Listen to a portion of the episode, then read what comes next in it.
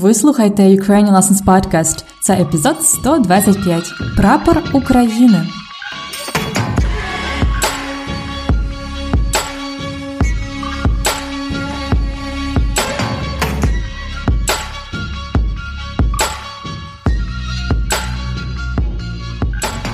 Привіт-привіт! Ви слухаєте подкаст Уроки української мови. Це Анна, ваша вчителька української. Це четвертий сезон подкасту, епізод 125. І тепер Ukrainian Lessons це вже не класичні уроки, а більше як справжні епізоди подкасту. Що я маю на увазі? Тепер ви можете слухати цікаві історії про Україну, українців, про нашу культуру, історію.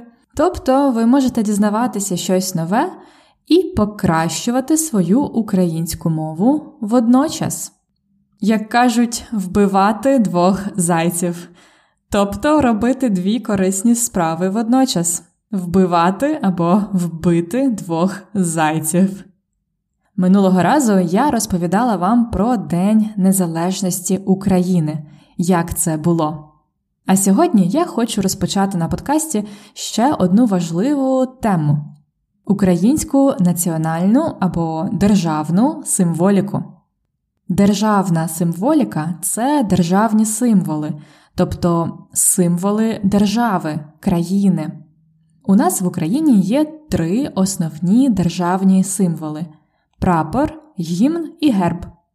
І сьогодні на подкасті я розповім вам щось цікавеньке про наш прапор, щось таке, чого ви ще не знали.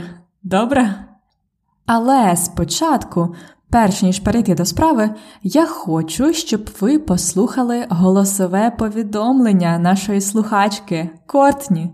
Я була дуже щаслива, коли минулого тижня отримала голосове повідомлення від Кортні. Кортні американка. Я пам'ятаю, як вона вперше написала мені. Тоді це був е, перший сезон подкасту. Це був 2016 рік. Тоді Кортні тільки починала вивчати українську мову. Вона збиралася їхати в Україну на два роки. А зараз вона просто ідеально говорить українською, абсолютно вільно. Ви можете самі послухати. Готові? Але майте на увазі, що Кортні говорить досить швидко, добре? Отже, слухайте Кортні. Добрий день, мене звати Кортні. Якщо слухає Анна, то ти вже знаєш мене. Привіт! Сподіваюся, що все добре. Я рада, що ти багато подорожуєш. Теж привітаю іншим слухачам подкасту. До речі, я почала вивчати українську мову у 2016 році, коли я дізналася, що буду жити і працювати два роки в Україні в якості волонтера Корпусу миру. Я знову у США після дворічного відрядження в Україні, і я хочу продовжувати покращити свою українську мову. Хоча ну, зараз у щоденному житті мені не потрібно спілкуватися українською. Але коли, коли я була в Україні, звісно, мені треба було використовувати українську мову кожного дня на роботі з колегами, з друзями, щоб просто жити. Я жила у місті Черкасі і дуже-дуже люблю Черкасі. Всі мої друзі там прекрасні люди, неймовірні. Я рекомендую відвідати місто Черкасі. Я там працювала у громадській організації, і я продовжую таку роботу зараз у США. На жаль, я не можу багато спілкуватися українською мовою зараз. Але у мене є український котик. Його звати Лев. Я знайшла його на парковці, коли він був кошеня. І він дуже розумний і знає деякі команди, як сідай, ляж, дай п'ять, стрибай, чекай. От з котом я можу спілкуватися українською мовою. А, Ну, поки що це все. Я сподіваюся, що я скоро знайду людей, з якими я можу спілкуватися українською. Якщо ви у штаті Індіана, звертайтеся до мене, бо я дуже хочу познайомитися і з кимось практикувати. Бажаю всім е, слухачам успіхів у вивченні української мови і дякую, Анна. Я дуже рада, що є такий подкаст. До побачення. Дякую і тобі, Кортні, за це повідомлення. Мені дуже приємно тебе чути. А Кортні справді досить швидко говорить, правда? Кортні розповідала, що вона була в Україні як волонтер Корпусу миру. Це така програма для молодих американців. Знаєте, Корпус миру. Так от, Кортні була волонтером Корпусу миру два роки в Україні, і ось тільки нещодавно повернулася до США. В Україні вона жила в Черкасах, і там у неї є багато друзів. Я знаю, що Кортні дуже комунікабельна дівчина. У, у її повідомленні ми чуємо, як вона сумує за своїми українськими друзями. Вона в них душі не чує. Після дворічного відрядження, дворічне відрядження це відрядження на два роки дворічне. Після дворічного відрядження Кортні зараз уже живе в США у штаті Індіана. Там вона працює в громадській організації і хоче з кимось спілкуватися українською, щоб не забувати. Хоча у неї є одна істота, з якою вона може практикуватися. Це її український кіт Лев. Це дуже мила історія, правда? Кортні знайшла котика на парковці в Україні і привезла його до штатів. Кіт український, а отже, він розуміє команди українською. Тож Кортні може практикувати наказовий спосіб: сідай, ляж і так далі. Я дуже щаслива, що мала можливість познайомитися з Кортні особисто в Києві. Минулого року Кортні прийшла на нашу першу зустріч слухачів подкасту. Вона дуже класна, тому якщо ви живете в штаті Індіана і хочете познайомитись з Кортні і попрактикуватися з нею українською, напишіть мені, і я вас познайомлю. Ще раз дуже дякую тобі, Кортні, за голосове повідомлення. Сподіваюсь, воно надихне і вас, любі слухачі. Спробуйте записати себе на диктофон і надішліть мені запис. Це чудова практика. До того ж, я буду дуже щаслива чути ваш голос. Моя електронна адреса Анна Собачка ukrainianlessons.com Anna at ukrainianlessons.com А зараз перейдімо до теми епізоду. Сьогодні я хочу розпочати серію епізодів про символи України.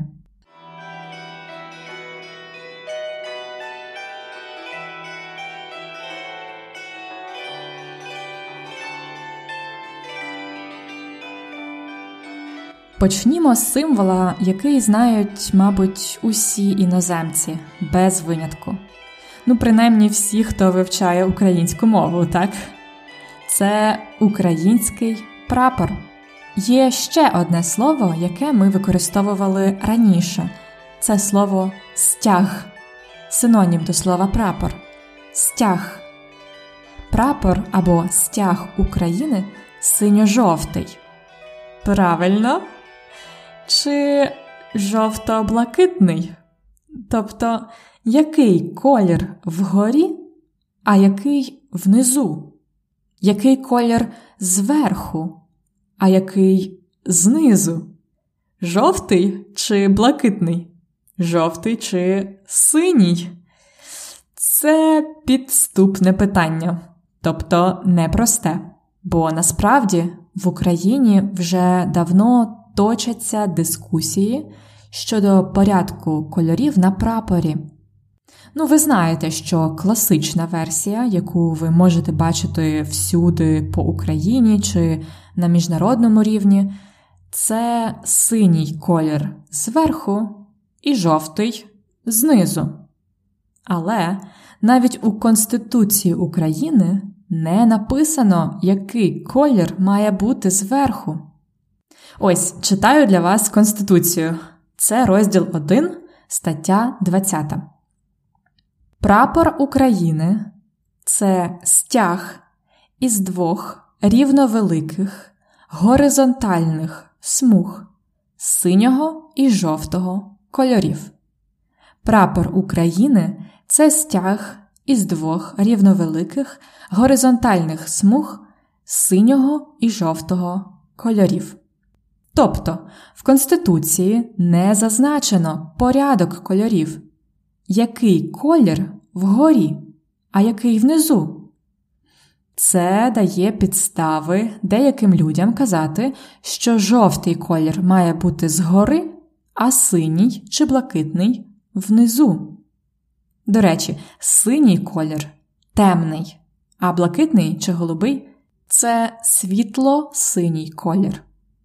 То які причини мають люди, щоб так казати? Ну, є декілька причин. По-перше, дехто вважає, що за часів Української Народної Республіки це 1917-1918 роки, прапор був жовто-блакитним. Це можна побачити на світлинах, на фотографіях тих часів. Тобто жовтий був колір зверху, а синій або блакитний знизу. Так, якщо подивитися на старі фотографії, тобто на старі світлини, то ці фотографії чорнобілі, вони не кольорові, звичайно. Ми можемо побачити, що зверху на прапорі світлий колір, а знизу якийсь темний колір. Тобто ми можемо припустити, що це жовтий світлий, а синій темний. Але історики говорять, що в ті часи плівки і фотографії були ще поганої якості. Вони були чорно-білі і показували світлі кольори як темні, а темні кольори як світлі. Можна взяти інший приклад прапор Швеції. Прапор Швеції теж жовто-блакитний, тобто блакитний фон і дві жовті лінії. До речі, тому наші збірні команди з футболу мають дуже схожі форми. То якщо проаналізувати дуже старі фотографії прапора Швеції, то бачимо, що фон світлий, а лінії темні.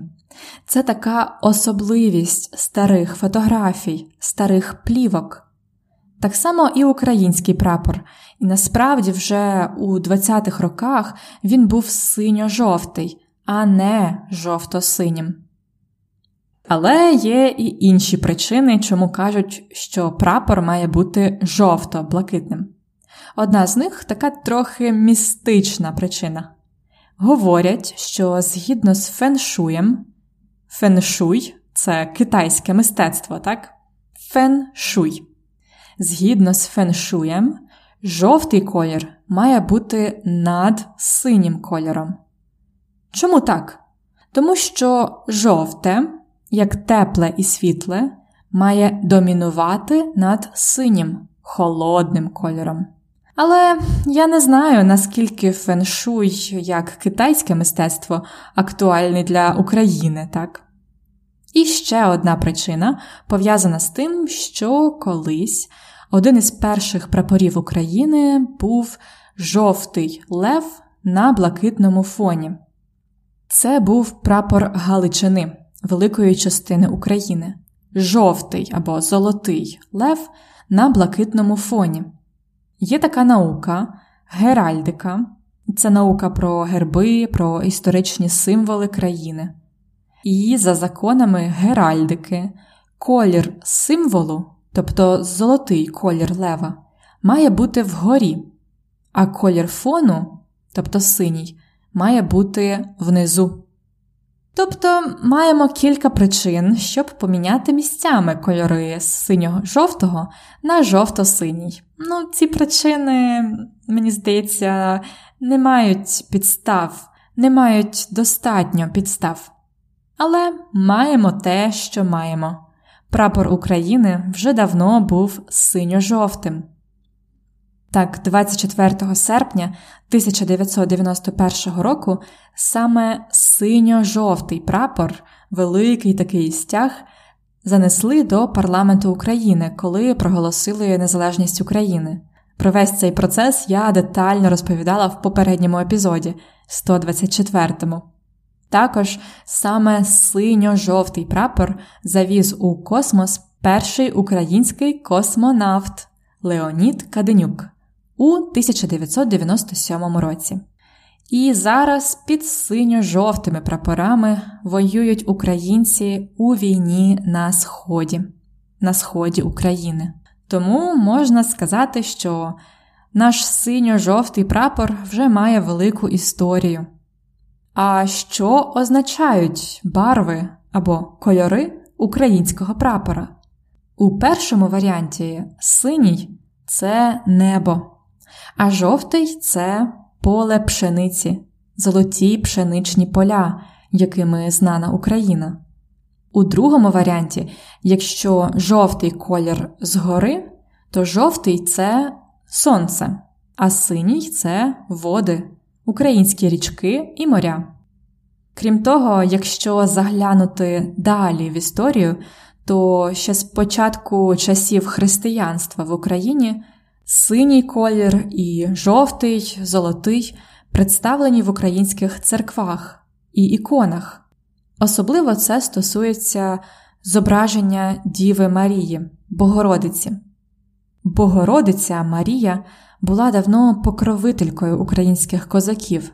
Якщо ви будете в українському храмі, наприклад, в Софії Київській, так, це такий старий дуже собор 10-11 століття, ви можете помітити там багато золотих, тобто жовтих, і синіх елементів.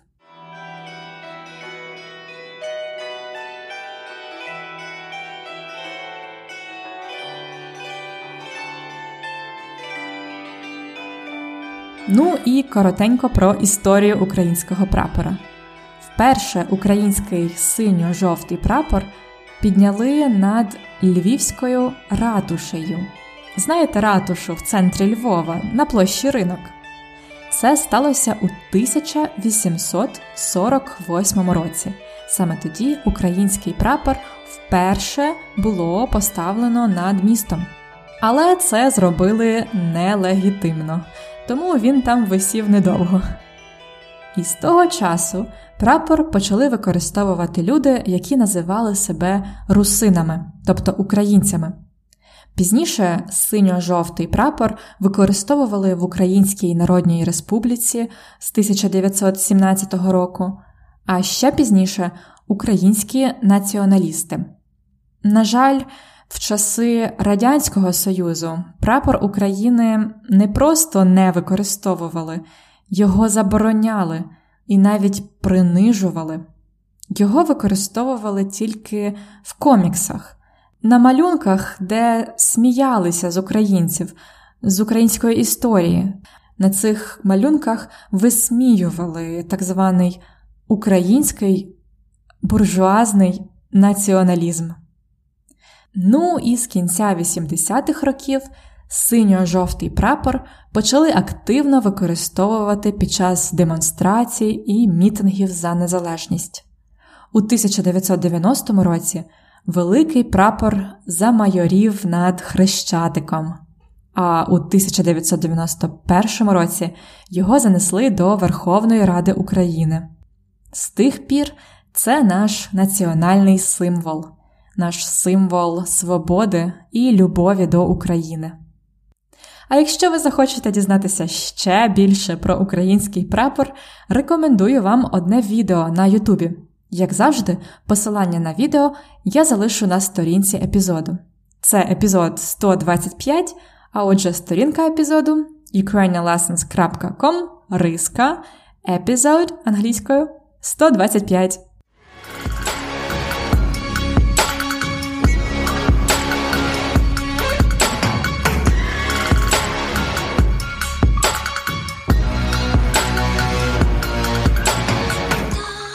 А зараз перейдімо до цікавих виразів та ідіом, які я використовувала. По-перше, на самому початку я сказала, що тепер Ukrainian Lessons це вже не класичні уроки, а більше як справжні епізоди подкасту. Що я маю на увазі? спитала я. Мати на увазі. Це може означати думати щось, вважати щось, але ще не сказати це, ще це не назвати.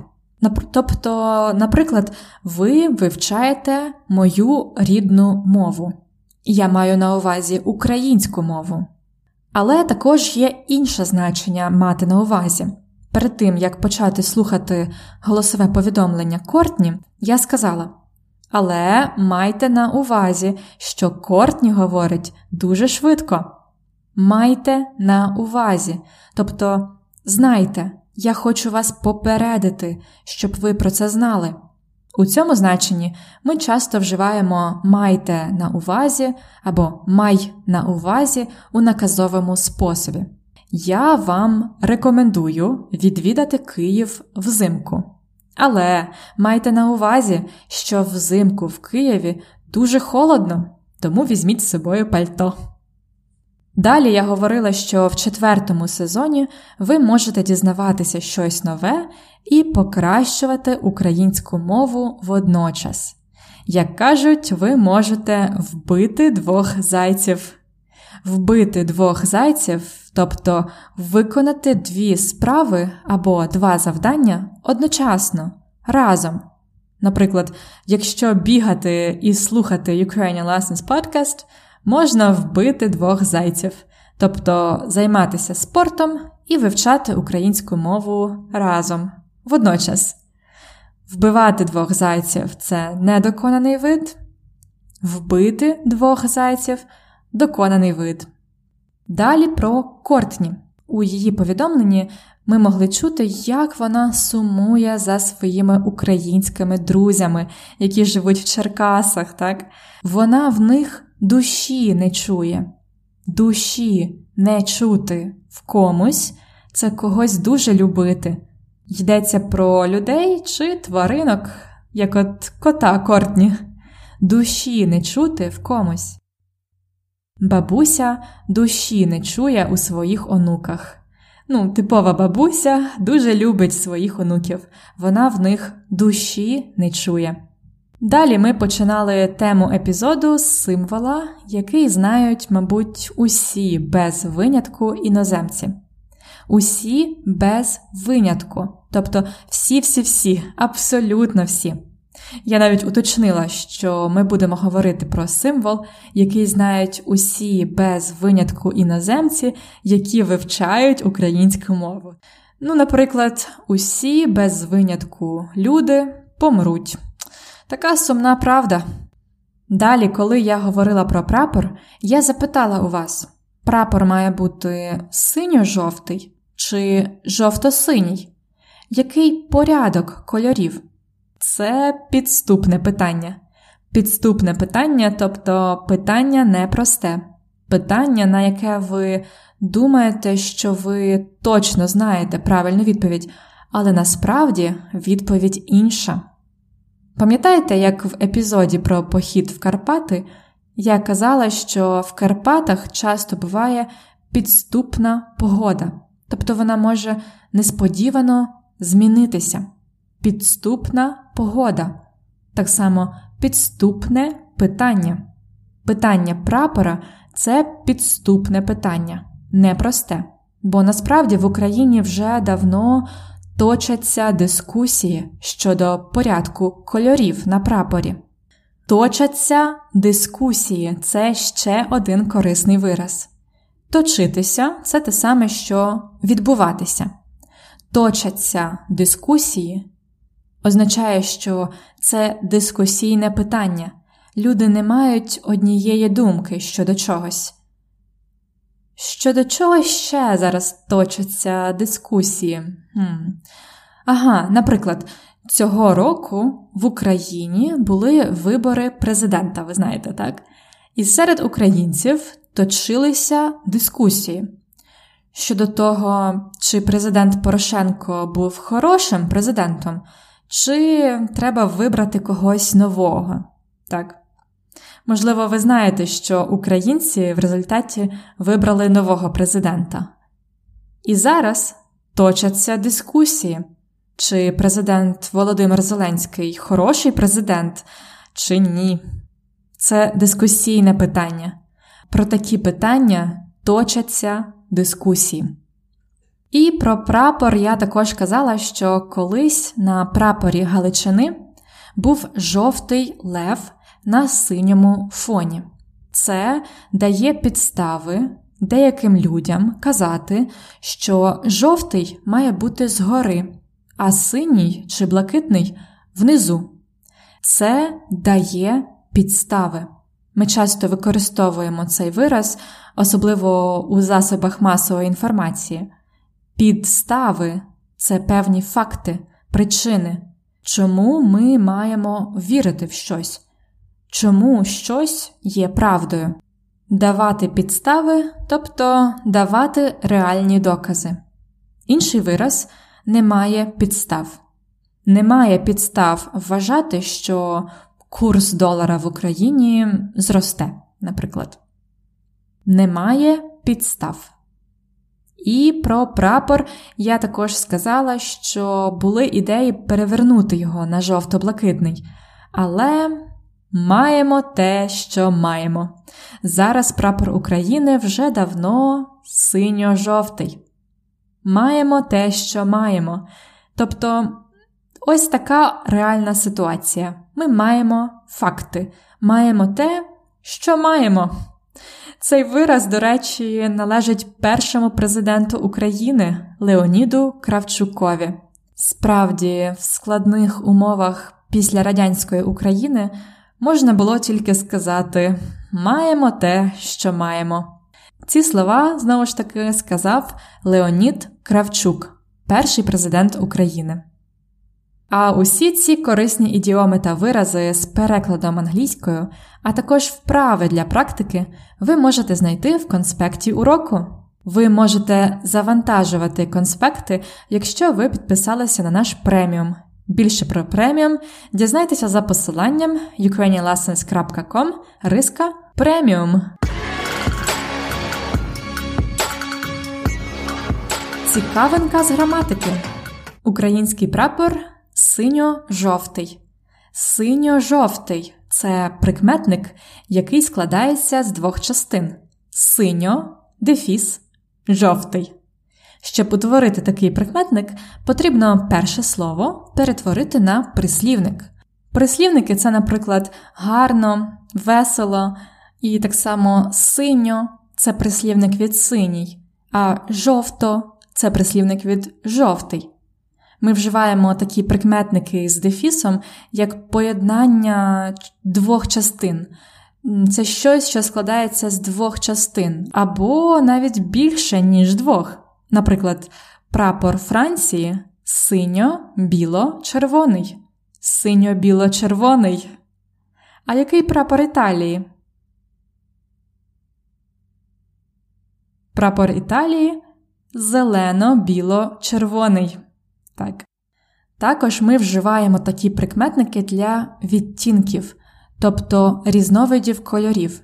Наприклад, темно-зелений це темний зелений колір, чи світло-синій, світлий синій колір.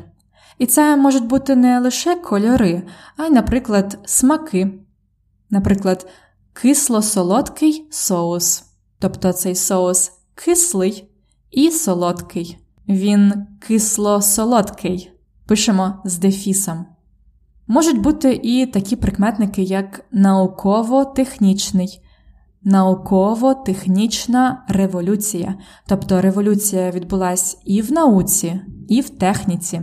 Ми підготували табличку, де є набагато більше прикладів таких прикметників з дефісом. Де ви можете знайти таку табличку? Звичайно, у конспекті уроку.